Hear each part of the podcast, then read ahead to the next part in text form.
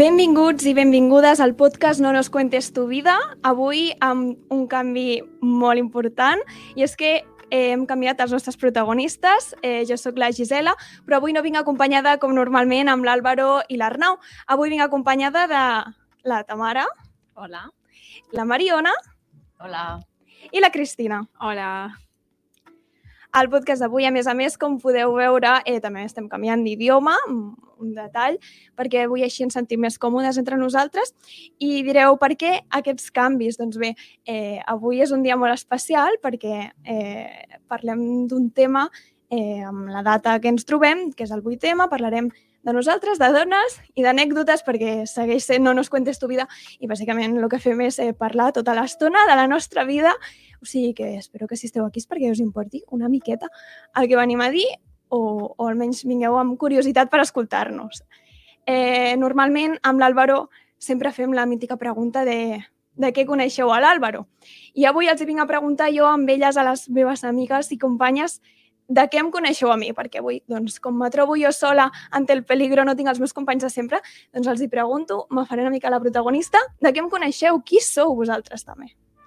Doncs bé, jo em dic Tamara i estudio publicitat, cosa que compartim amb la Gisela i per això ens coneixem de la universitat. I també d'alguna farra així tòxica, saps? Ui, ui, ui, ui. Comencem amb trapos sucios, eh? Digue'm, Mariona, qui ets?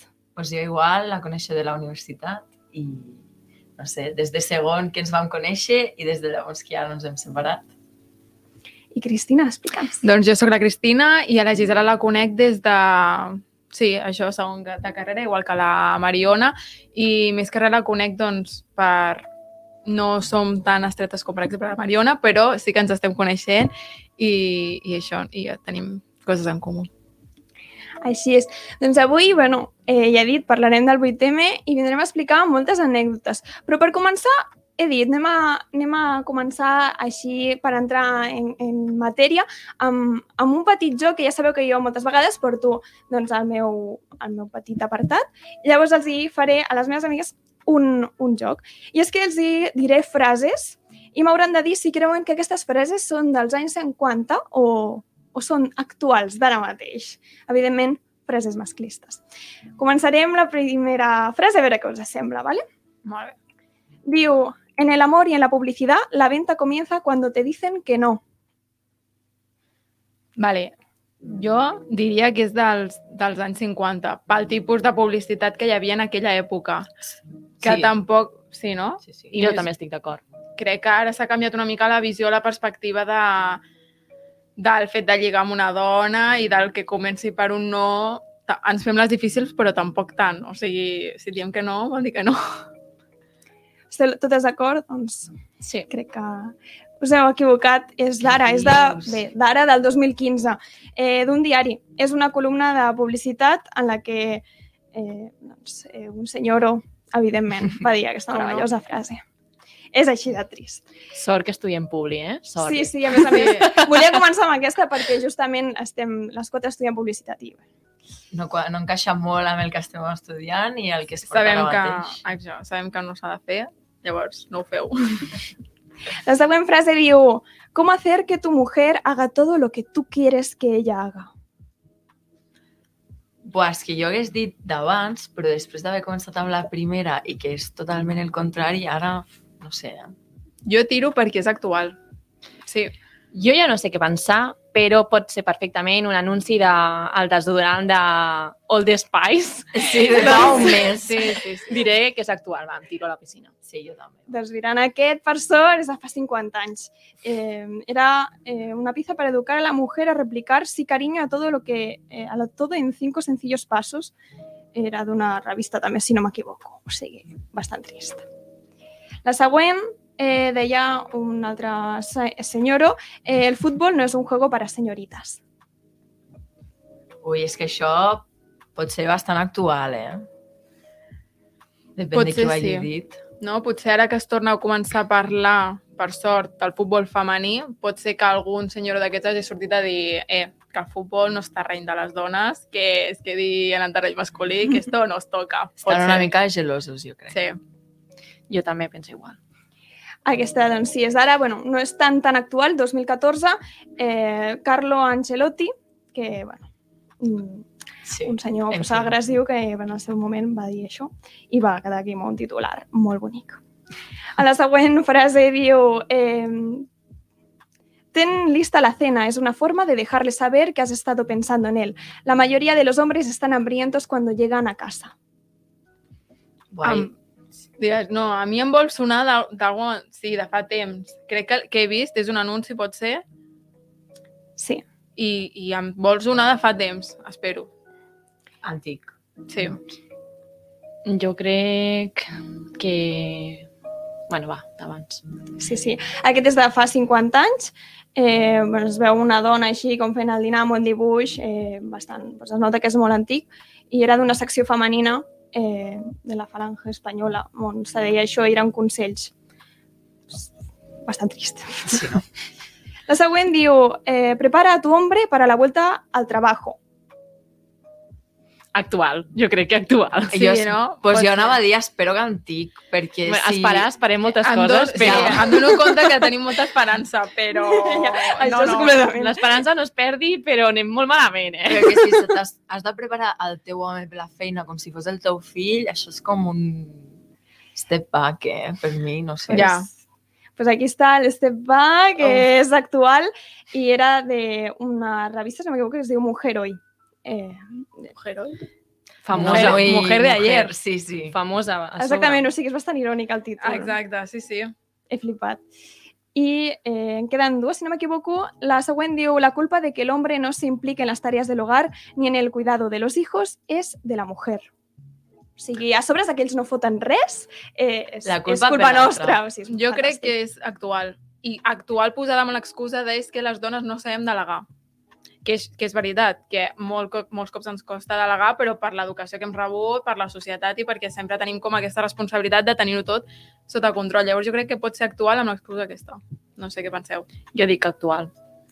Així és, és de- d'ara, de l'ABC, 2015 també, eh, on doncs, bàsicament es recolzen aquests rols tradicionals de la dona eh, doncs, amb una imatge... És que ve acompanyada d'una imatge d'una dona aguantant un bebè i l'home allí planxant com si fos en plan, ah, mira, que Està Que- que guai! Que aquí col·laborant en les tarees domèstiques. Clar, és que trobo com a que se'ls reconeix molt, molt més, per exemple, un pare si va passejar amb el seu fill al parc, dius, ai, que bon pare, que està passant temps amb ell, no sé què. Exacte, sí, sí. I després ho fa una mare i és que... és el que ha de fer, Ja, és la seva totalment obligació. en- Sí, sí. sí. Sí, sí. Doncs eh, aquest altre eh, també eh, ve relacionat una mica amb la publicitat perquè ve d'una marca i lo qual em va, ser- em va fer molta gràcia. Diu, para ti, ¿quiénes lavan mejor, las suegras o las esposas? Si no me equivoco, era un tuit que va penjar una marca.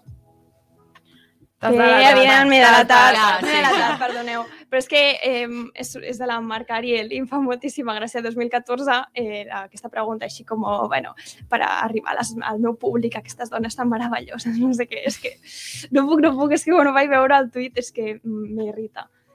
I eh, el següent diu que si una de cada tres divorcios se debe al síndrome premenstrual de las mujeres. Jo, per, per utilitzar la paraula premenstrual, que no crec que en els anys 50 es fes servir, només per aquesta pista jo diria que és actual. Que era molt tabú. Totalment. M'agrada, Sí. m'agrada, doncs sí, completament. És del diario ABC, que és del 2017. Suma i sigue, eh? Sí, sí.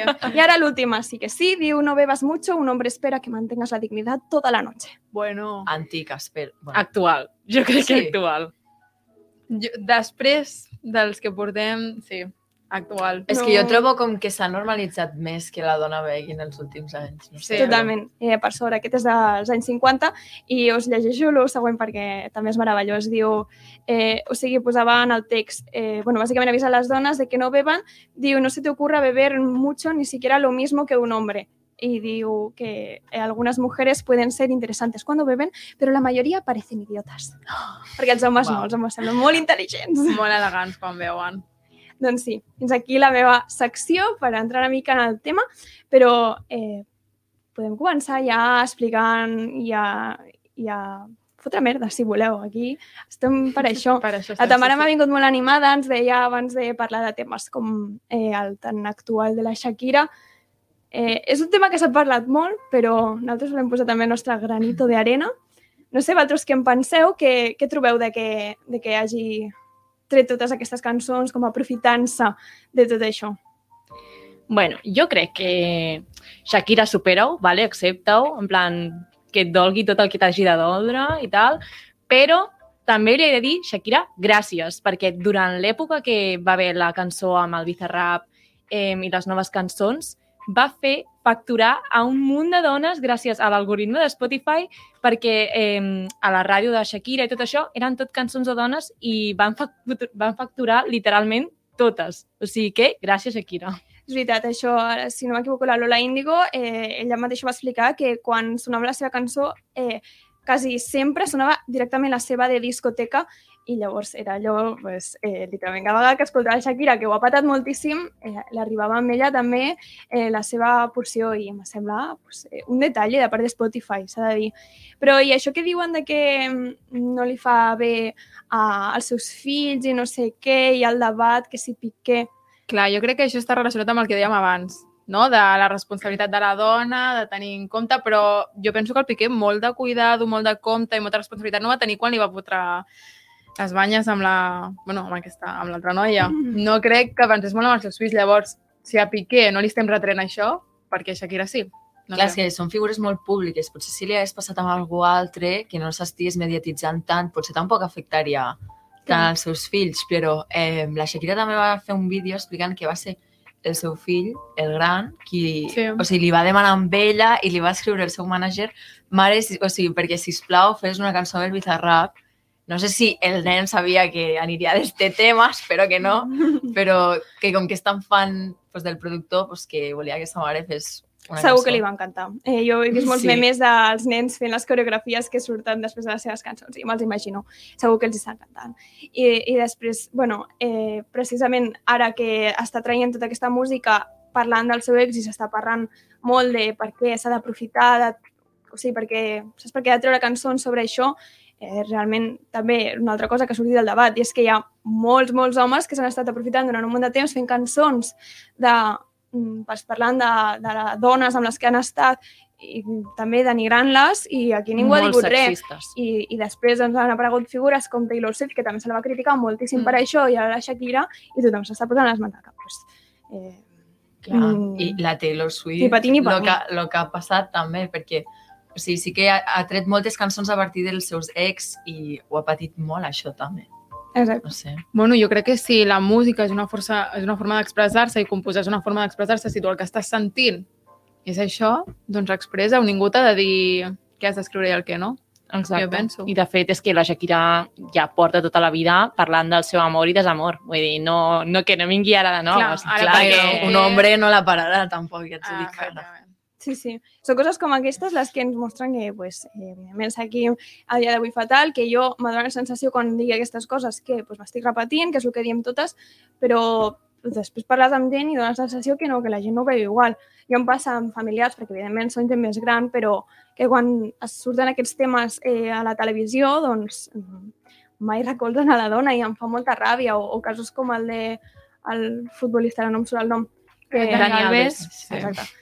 Eh, casos com aquest, que doncs, es fan supermediàtics, que eh, s'explica, bueno, al final jo no m'he mirat, però s'explica que eh, suposament hi ha totes les proves que es demostren que ha sigut com ha sigut i tot i així, doncs, comentaris de, bueno, segur que ho fa buscar- per ser famosa, eh, ho fa pels diners, i al final, mm, Mhm. Ara han sortit eh, també dos noies que diuen que havien- s'havien liat, o no sé, amb el Cristiano Ronaldo, i també la primera, eh, no sé si com el Cristiano Ronaldo l'estan com intentant de, denunciar per fake news i no sé què, o sigui, no estic molt ben informada, però bueno.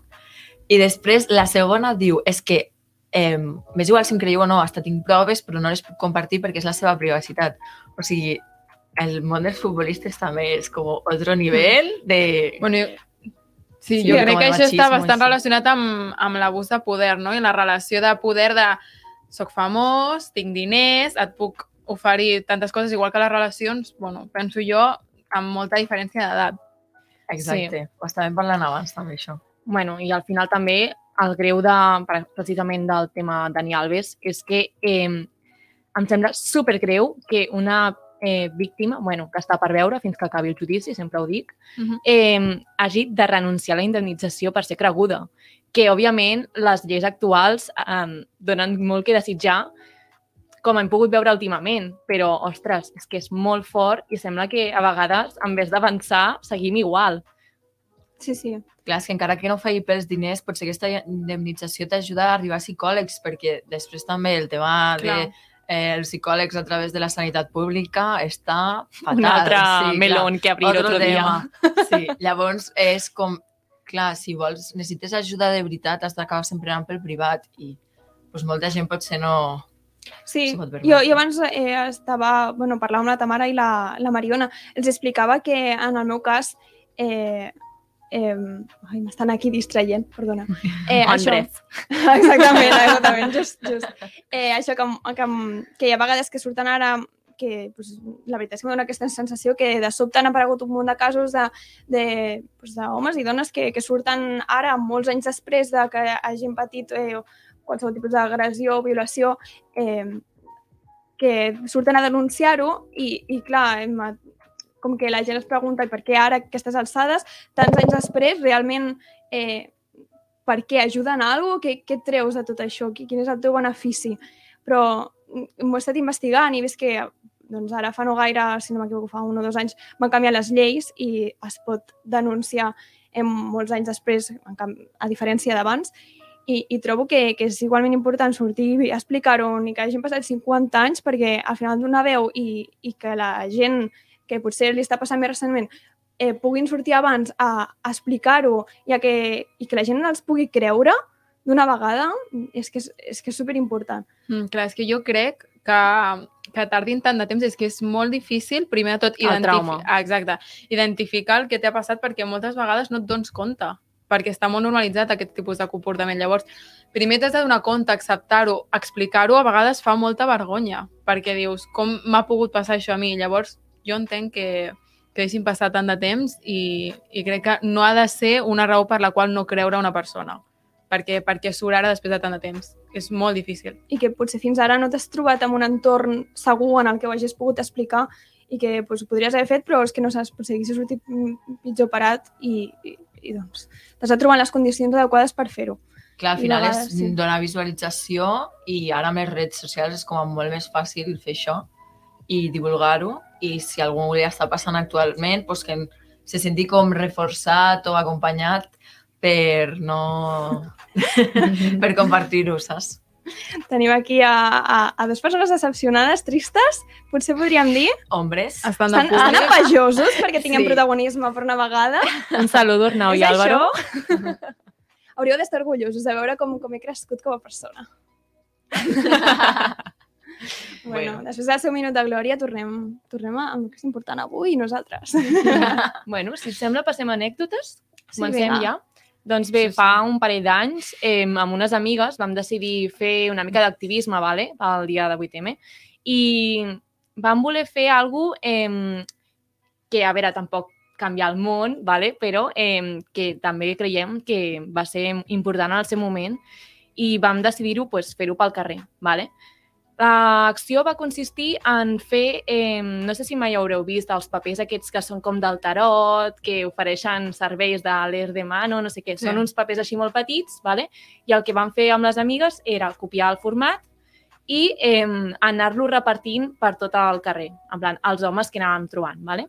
des d'avis a senyors trajeados, eh, a tothom. Vale? I deia el següent.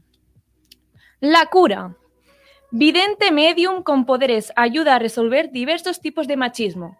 Control de la pareja, no aceptación de un no por respuesta, actitudes agresivas, defensa de ideas propias a cualquier precio, sensación de superioridad, confianza ciega en uno mismo, corregir y contradecir constantemente y contradecir, eh, interrumpir y acabar frases ajenas. Hipersexualización de la mujer, relaciones sexuales falocéntricas, piropos, silbidos y llamadas de atención, consumo de pornografía, denigrante, negar la autoridad de una compañera, etc. Resultados garantizados al 100%.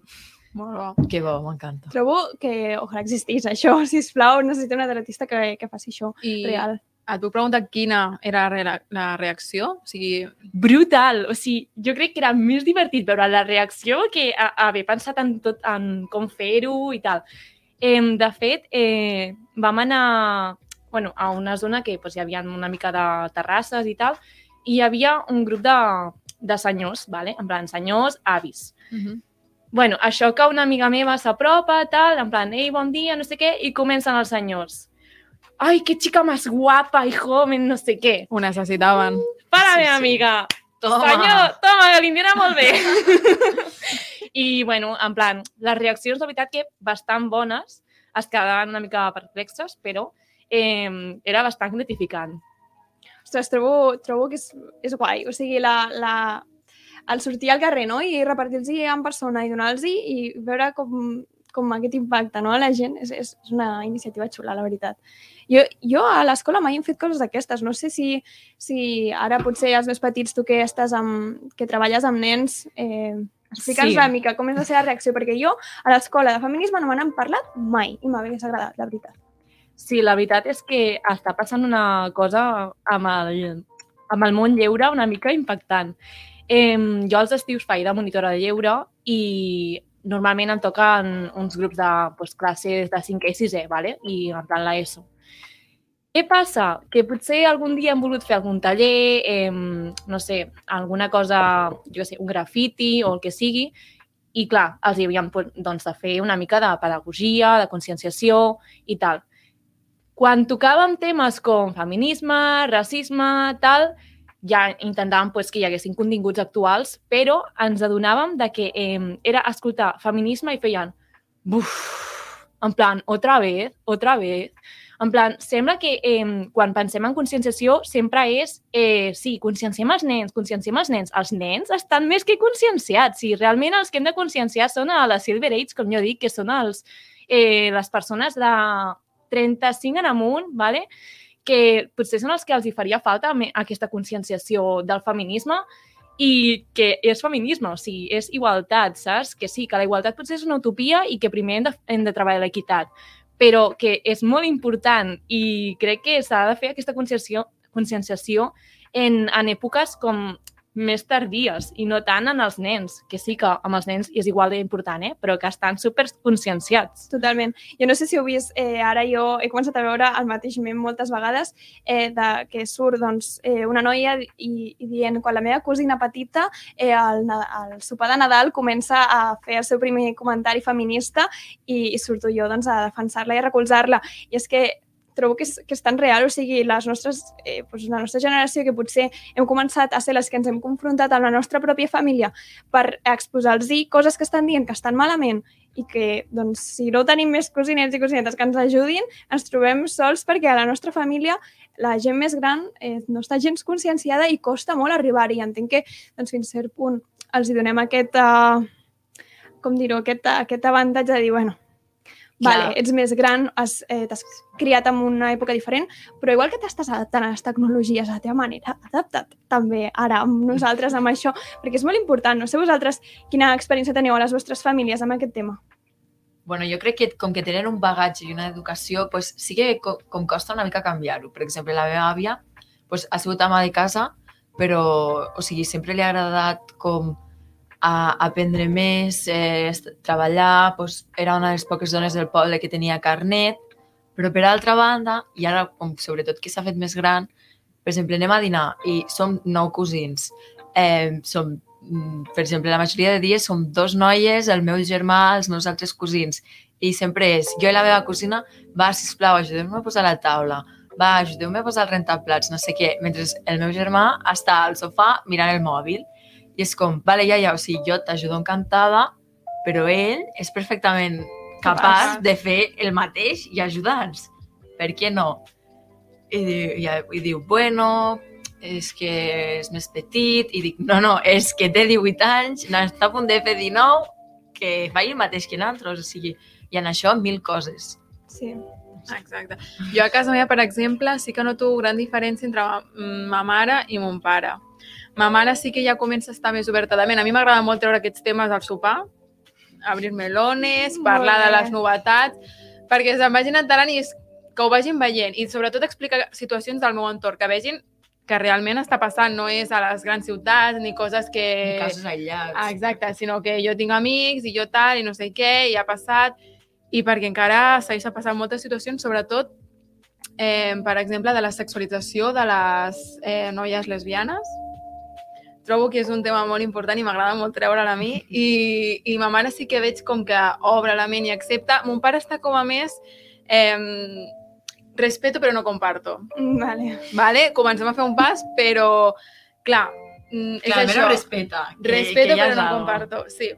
I el que crec que és molt important que entenem és que, no sé, si a, si a tu no et fa mal, no, no pots respectar, però també els comentaris que tu facis al teu entorn poden afectar, per molt que tu no li facis a la persona en concret o el que sigui, crec que és molt important també com parlem. I el que deia la Tamara, les generacions de 35 anys i tal, són les que al final educaran els, els seus fills i els que al final faran el futur de, del nostre món. Llavors, sí, són bastant importants. Totalment. Jo eh, moltes vegades pensava que potser aquesta generació de 35 anys ja estaven suficientment amb la, vale, els meus pares que en tenen 50-60 no, però els de 35 no, m'he trobat eh, no, persones d'aquesta edat que, que han dit barbaritats amb les que mm, jo moltes vegades no sé reaccionar. No sé si vosaltres ho sabeu defensar amb aquests temes, però jo de veritat hi ha moltes vegades que em sento molt cohibida, no me sento capaç d'obrir aquests debats, eh, també perquè a vegades, pues, si me sento en minoria, eh, no, Clar. no, no puc Normal. fer-ho i, i si a vegades ja saps que tens eh, batalles perdudes, no les vols lluitar. Però, però eh, també vejo molt la gent que pot plantar cara i, i dir moltes coses que jo no m'atreveixo, fins i tot amb coses com, per exemple, que això ja és un altre tema, però quan te fan comentaris al carrer que jo m'ho he trobat moltes vegades que allò que te fas petit perquè al final doncs, tenim por, evidentment, i, i hi ha vegades que veia alguna noia doncs, a TikTok, per exemple, que diuen doncs, jo sempre contesto, jo sempre dic no sé què. Evidentment, si te sents en un espai segur, amb més gent o el que sigui, que saps que no et pot passar res. Però jo és que trobo que ni que em trobés amb l'espai més segur del món no seria capaç de contestar perquè la No saps què pot por. passar, Tenim no saps com por. Clar, pot no reaccionar. és controlable, no. I, a- I a mi sempre m'han dit, si et diuen alguna cosa, si et fan algun comentari, si et persegueixen, no contestis, perquè pot ser pitjor. Llavors és com que t'han educat amb la por, no contestis, no diguis res, amb això de les discussions. Jo abans sempre discutia, m'agradava discutir, m'agradava contestar, però ara arriba un punt, és com lucha perdida, debatiu el que vulgueu. I sé que és dolent, però és com... Hi ha vegades que és no puc toca. guanyar. Exacte. Sí, sí, jo a vegades ho he intentat, però no. Hi ha un punt que dius, és que no, no puc, no puc lluitar més això perquè sé que no en sortiré. Clar, perquè no t'escolten des del et vull entendre, et vull escoltar, vull saber el que opines. T'escolten des del vull tirar ja el meu argument perquè et callis i vegis que no tens raó. Llavors, clar, amb aquestes postures no es pot discutir, ni es pot argumentar, ni es pot arribar a cap punt. O jo sóc més gran que tu, o sigui que Clar. eh, la teva mentalitat me sembla inferior i no la vull escoltar Clar, ni la vull respectar. bueno, aquí també hauríem de dir que hem de trobar també l'equilibri, no? Perquè al final tampoc... O sigui, sí que els hi passa a moltes feministes, no? Que en vez d'explicar i explicar-li l'altre, perquè és important que això sigui així, eh, es fiquen a la defensiva doncs, per moltes situacions que ja han viscut, no? I al final que tens com aquesta de, vale, em defenso, em defenso, perquè precisament a mi també em passa amb el, amb el veganisme, no? Jo, o sigui, menjar en una taula amb gent eh, que mengi diferent a mi ja em suposa un debat innecessari que potser només vull menjar-me la meva verdura que em deixin tranquil·la. Eh, I doncs estar a la defensiva, sí, però també s'ha de saber eh, frenar i saber quan eh, l'altre potser sí que està preguntant amb bona intenció i explicar-li, perquè al final nosaltres i el boca a boca són els que hem de conscienciar més de la gent. És que, literal, feministes, eh, veganos, homosexuals, eh, Sí, eh, grupo de dones, apoyo. o sigui, nostres minories. Literalment ens passa a tots el mateix. Ara, relacionat amb això, vaig llegir un article que explicaven que la relació entre el veganisme i l'homosexualitat, o sigui, són coses aquestes de, que rozen les minories i, i la i l'obrir-se de ment, que m'ha semblat tan fantàstic. En fi, jo en aquest sentit m'encanta rodejar-me de, de la meva gent, d'aquesta gent, perquè és el millor i, i a vegades, pues, mm, sí que moltes vegades ens, ens rodegem del que volem escoltar, però mm, és important obrir-se de ment, això sí. Clar, i, per exemple, o sigui, al rodejar-te de gent que potser és com afina tu, també veus experiències que han viscut, perquè, per exemple, jo visc d'un poble molt petit, jo, o sigui, per, he tingut molta sort, no m'ha passat mai cap anècdota eh, pues així, que me diguin coses pel carrer o alguna cosa així. I, ta, o sigui, per una part sort, però per l'altra em sembla que em falta com eh, educació o, o, o eines per saber com reaccionar si em passa, perquè, per exemple, per aquí a Tarragona, eh, molts dies tornant de nit, dic, bueno, i si no em pot acompanyar ningú, què? Llavors, o sigui, sempre he viscut com amb una tranquil·litat, amb una bombolla de no passarà res, és com tot molt segur, però clar, mm, després escolto coses que, m'heu explicat i dic, bueno, pues, potser, potser no és així, saps? Sí, sí, és important, que Sí. sí. hi ha moltes persones que potser també viuen en aquesta bombolla que per moltíssima sort no els ha passat res, però, però defensen amor que com a mi no m'ha passat, no passa. Sí que passa. Sí, Rodegeu-vos a persones i escolteu-les, perquè sí que passa. Jo, com la Mariona, a mi mai m'ha passat res d'aquestes històries. La veritat, també visc en un poble, però igualment, sortint a la ciutat, tampoc m'ha passat res. Però vulguis o no, sempre ho tens aquí. I si vas per la nit pel carrer i Clar, hi ha un Mirant home endarrere. i ja vas mirant endarrere, qualsevol passa, vas amb por, dona igual que no t'hagi passat mai, saps que pot passar i que només pel fet de, de ser dona, per estar a les 3 del matí sola al carrer, pots acabar, no sé, inclús morta, no estic exagerant. No, no, ja. Ja una mica trist. Jo, per desgràcia, vaig, haver, bueno, vaig viure de prop una notícia. Eh, fa potser un any i pico va passar la violació a Igualada. Eh, aquesta noia va quedar en molt males condicions, va haver de passar per moltes operacions i al ser a llocs en el qual era lloc d'oci, que havíem anat moltíssims cops quan érem més 16, eh, fa molta cosa. O sigui, de fet, jo aquella matinada vaig passar pel polígon que estava a prop de la discoteca, saps? Que doncs ja et comences com a, a replantejar, en plan, i si la vas veure, i si tal, en plan, ja és una por com constant, no?, del fet de eh, d'escoltar coses tan properes, que fins que potser no tens algú tan proper no et fas re no et replanteges tant. Sí que vivim com amb una por de, no sé, de nit, tal, no sé què, en plan, truques a l'amiga, he arribat a casa, tal, però quan tens notícies tan properes t'impacta moltíssim. O sigui, Clar, i quan passa llocs que tu freqüentes, o sigui, que, Mhm. que tu vius per allà a prop, llavors com a- que assusta més encara. Sí, Clar. també moltes vegades parlem de la culpabilització que jo us comentava jo. En una cosa jo vaig haver de denunciar amb un home perquè pues, eh, se'm, em va començar a seguir, eh, em va posar la cara als pits, o sigui, eh, una situació absolutament horrible que per sort doncs, no va anar més enllà, però vaig haver-la de denunciar eh, i després doncs, pel meu cap només passaven comentaris eh, meus de dir que portava X roba, portava no sé què, o també eh, jo m'he donat compte d'una cosa que doncs, no sé si serà paranoia meva, però és real, quan eh, em vaig tenyir de rosa, que estava més rosa que mai, literalment, o sigui, vaig notar eh, el triple de comentaris d'homes pel carrer, coses que potser havia escoltat dos o tres abans, però va ser tenyir-me i dius, ho juro, una bogeria.